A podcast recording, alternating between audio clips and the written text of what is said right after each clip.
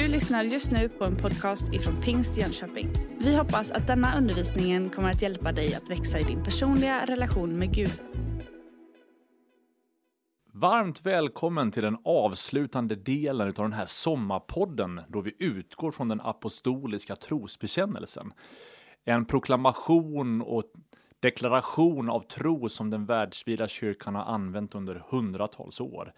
Låt oss bara läsa den i sin helhet, där vi säger Vi tror på Gud Fader allsmäktig, himmelens och jordens skapare. Vi tror också på Jesus Kristus, hans enfödde son, vår Herre, vilken är avlad av den helige Ande, född av jungfrun Maria, pinad under Pontius Pilatus, korsfäst, död och begraven, nederstigen till dödsriket på tredje dagen uppstånden igen från de döda, uppstigen till himlen, sittande på allsmäktig Gud faders högra sida, därifrån igenkommande till att döma levande och döda. Vi tror också på den helige Ande, en helig allmännelig kyrka, de heliga samfund, syndernas förlåtelse, det dödas uppståndelse och ett evigt liv. En fantastisk proklamation som börjar med Vi tror. Och sen så är det flera olika teologiska satser som slår fast doktriner. Men jag skulle bara vilja utmana dig så här i inledningen av den här podden att någonstans hamna i och landa i vila i den här första stavelsen att vi tror. Att någonstans få sätta sitt hopp till, sätta sin bekännelse till och proklamera det här över ditt liv, över mitt liv.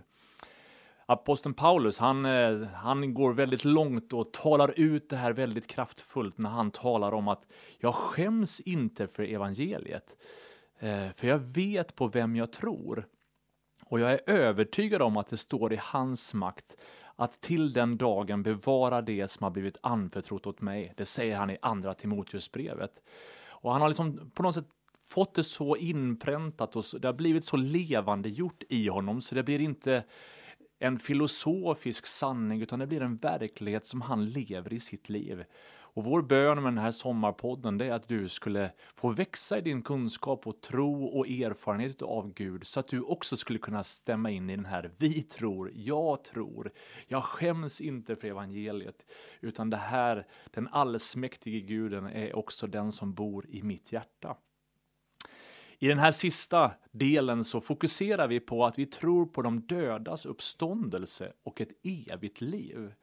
Och de där existentiella frågorna ställs vi lite nu och då inför. Kanske är det så att vi själva eller någon närstående drabbas av en svår sjukdom eller vi vet ju alla att någon gång, någon gång så inträffar det då vi tar våra sista andetag på jorden och vi står där förundrade. Vad händer sen? Vad, vad blir konsekvensen utav detta? Faktum är att predikaren kapitel 3, vers 11 så säger predikaren att allt har Gud gjort skönt för sin tid. Ja, han har också lagt ner evigheten i människors hjärtan. Det verkar som att vi bär spår utav skaparen och också den här evighetslängtan, de här existentiella frågorna som ingen av oss på något sätt kommer ifrån. Gör, det gör vi ju inte för att någonstans evigheten bor i våra hjärtan. Det finns någonting inom oss som ropar efter meningen och tillhörigheten och att på något sätt bli förenad med, den, med det där som är nedlagt i våra hjärtan. Därför är det ganska många som kommer till tro på Jesus som beskriver sin frälsningsupplevelse som att komma hem, även om man aldrig kanske har varit kristen förut, inte uppvuxen i en kristen miljö, så blir ändå mötet med det himmelska, med Gud, med Jesus, som att komma hem, för att Gud har någon slags försprång i våra hjärtan och eh, det hämtas hem när vi lär känna honom. I den här proklamationen så är det också intressant att ändå påminna sig om Hebreerbrevets kapitel 9 eh, som säger att det är bestämt om människan att hon en gång ska dö och sedan dömas. Det finns en människas lott att en gång dö och att det finns en evighet som väntar dem som tror på honom. Och i det här så får vi fundera över och reflektera över att våra liv även om de är på något sätt av evighetsvärde, så kan det komma en stund och plötsligt är den stunden där då våran stund på jorden är över. Och i ljuset utav det perspektivet så omvärderas ju väldigt mycket av de sakerna som vi ibland håller för viktigt. Våra ägodelar, våra pengar och olika saker som vi ska göra blir ganska bleka i jämförelsen utav evigheten. Och där tror jag vi lite nu och lite då behöver stanna upp och reflektera över att vi, vi är människor som lever en ganska kort och flyktig stund. Frågan är vad gör vi med de år vi har?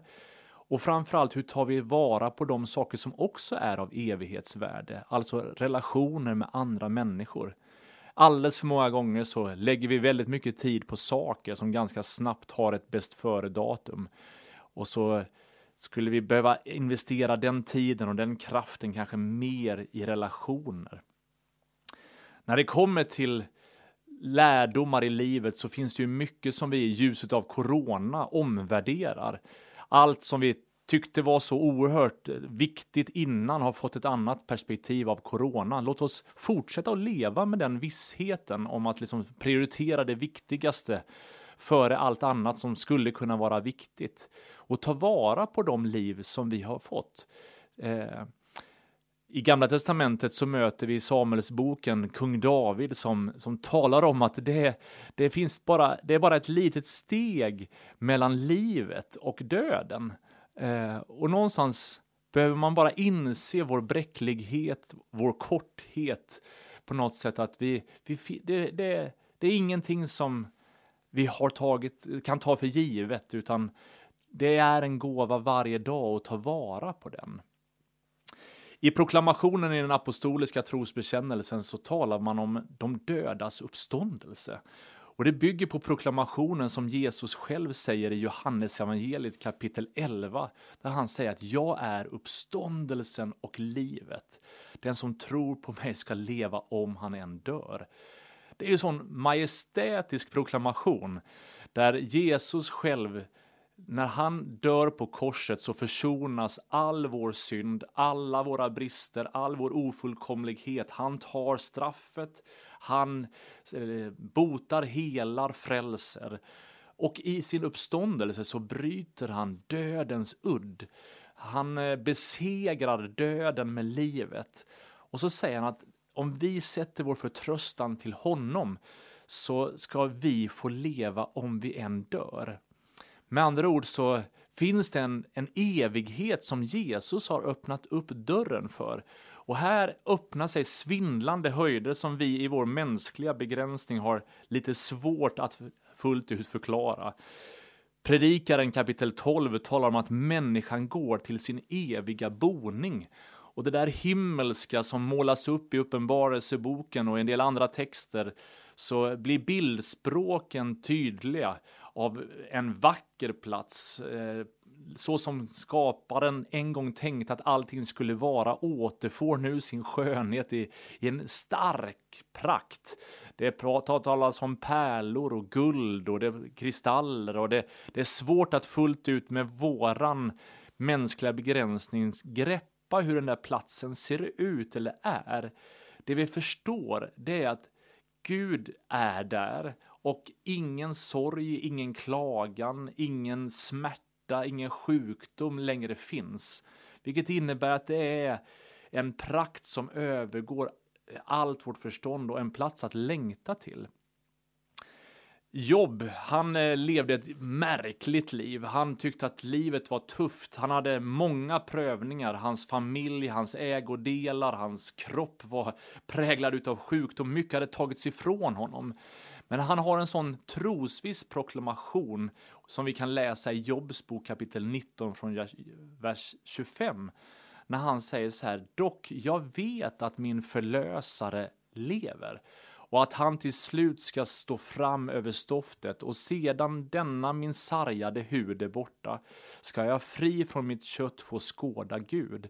Ja, honom ska jag få skåda, mig till hjälp för mina ögon ska jag få se honom, ej som en främling, därefter trånar jag i mitt innersta.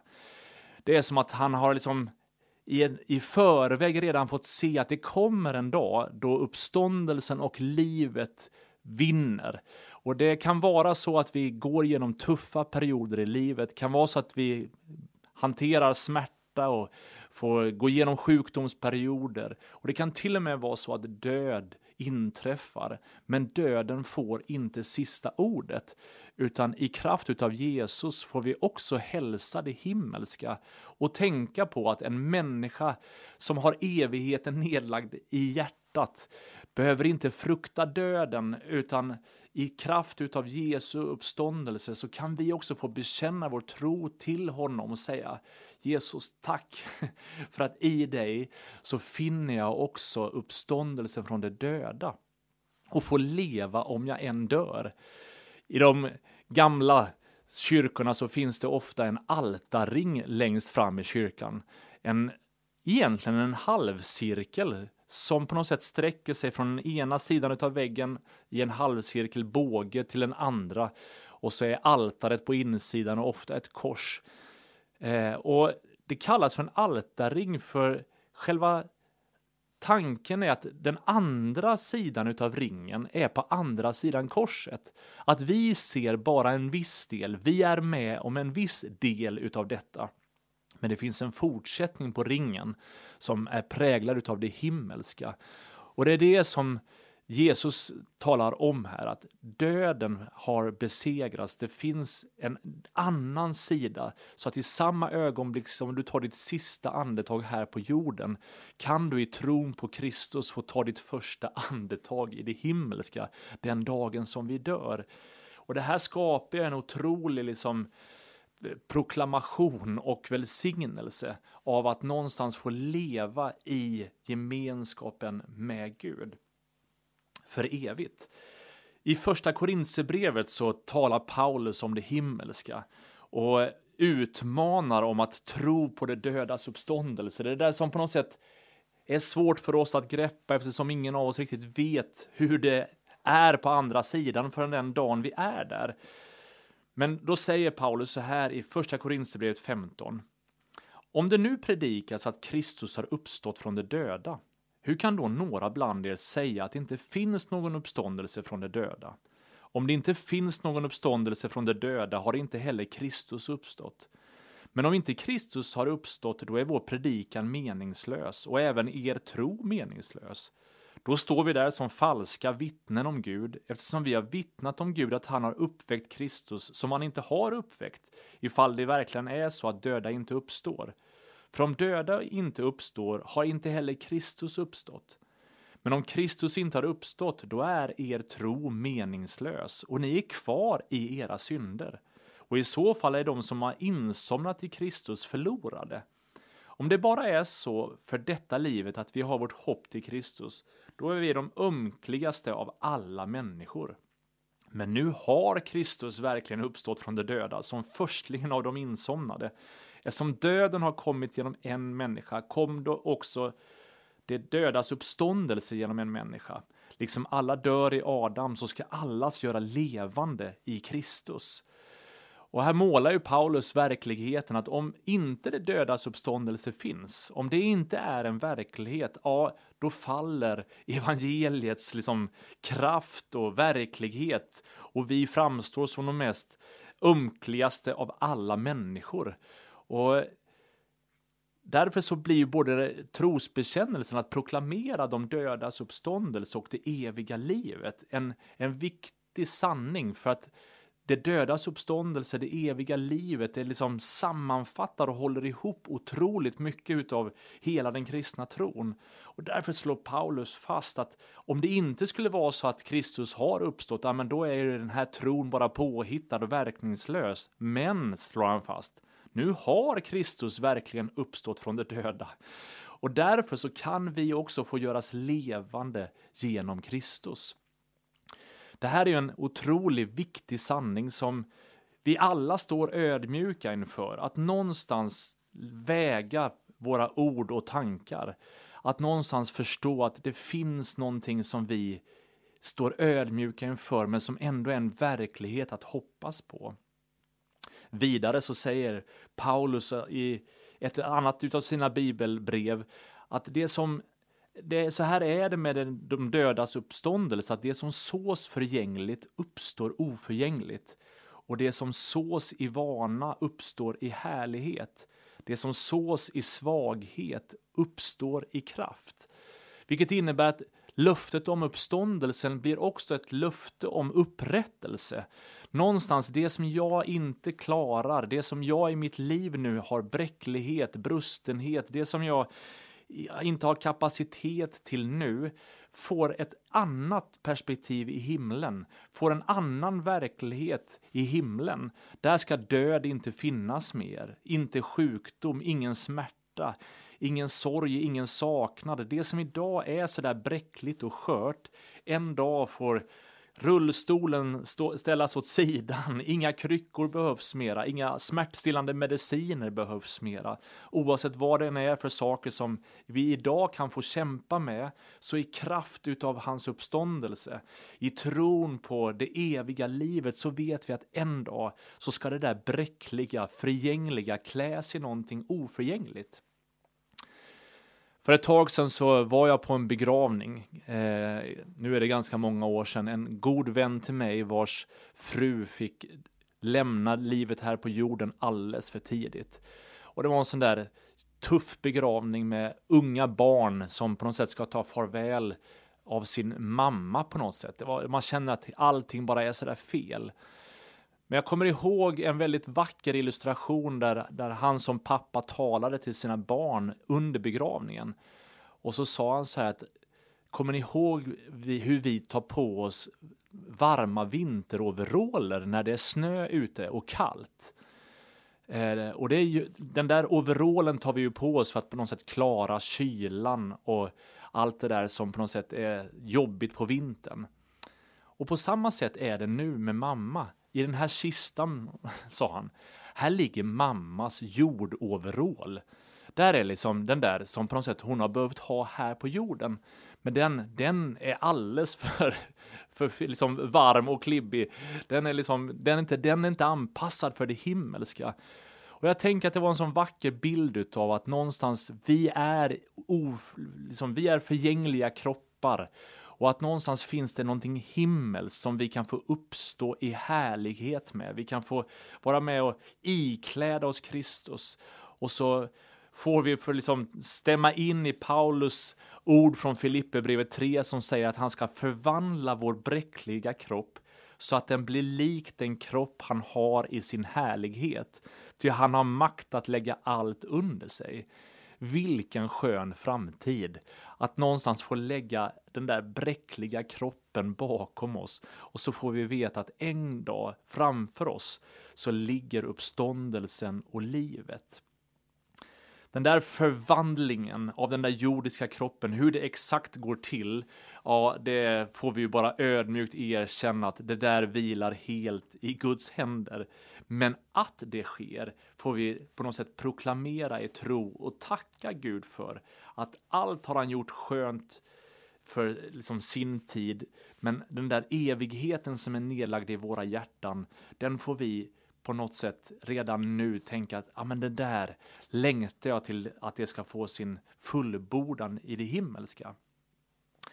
I det där himmelska finns också en evig obruten gemenskap med vår frälsare. Att i det himmelska så får vi vara tillsammans med Gud i liksom fullhet. Eh, här på jorden så anar vi en del saker, vi får lära känna honom mer och mer, men då ska vi få se honom ansikte mot ansikte, så som första Korinthierbrevet 13 säger. Att än så länge så anar vi en lite ibland gåtfull spegelbild. Vi har våra frågor, vi har våra varför, vi har våra områden vi inte förstår. Framförallt kring död och svåra situationer och det himmelska och liksom sådär. Men det kommer en dag då vi ska få låta den där gemenskapen får bli så där kraftfull och stark. Närvaron utav den Gud är ska vi få leva i, vara i. Och det är det jag skulle vilja sådär i avslutningen av den här podden bara liksom vilja att du lever lite mer med det perspektivet.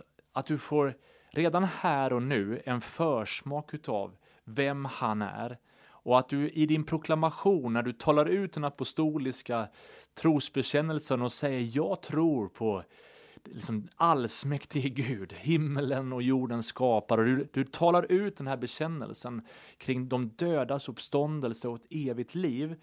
Att det inte bara är ett befriande från sjukdom, utan det handlar om ett, ett välkommen till gemenskapen i Kristus. Och det behöver du inte vänta på till det himmelska, även om du ska få se mer utav vem Gud är då, när vi möter honom ansikte mot, ansikte mot ansikte. Men redan nu kan din livsvandring med Herren fördjupas. Du kan få lära känna honom och vara med honom och din, den helige ande kan hjälpa dig att både förstå mer vem Gud är och också manifestera Guds närvaro i dig. Så att den där friden som du behöver och längtar efter inte bara är förborgad i himlen en dag utan en verklighet som du kan få leva i redan nu.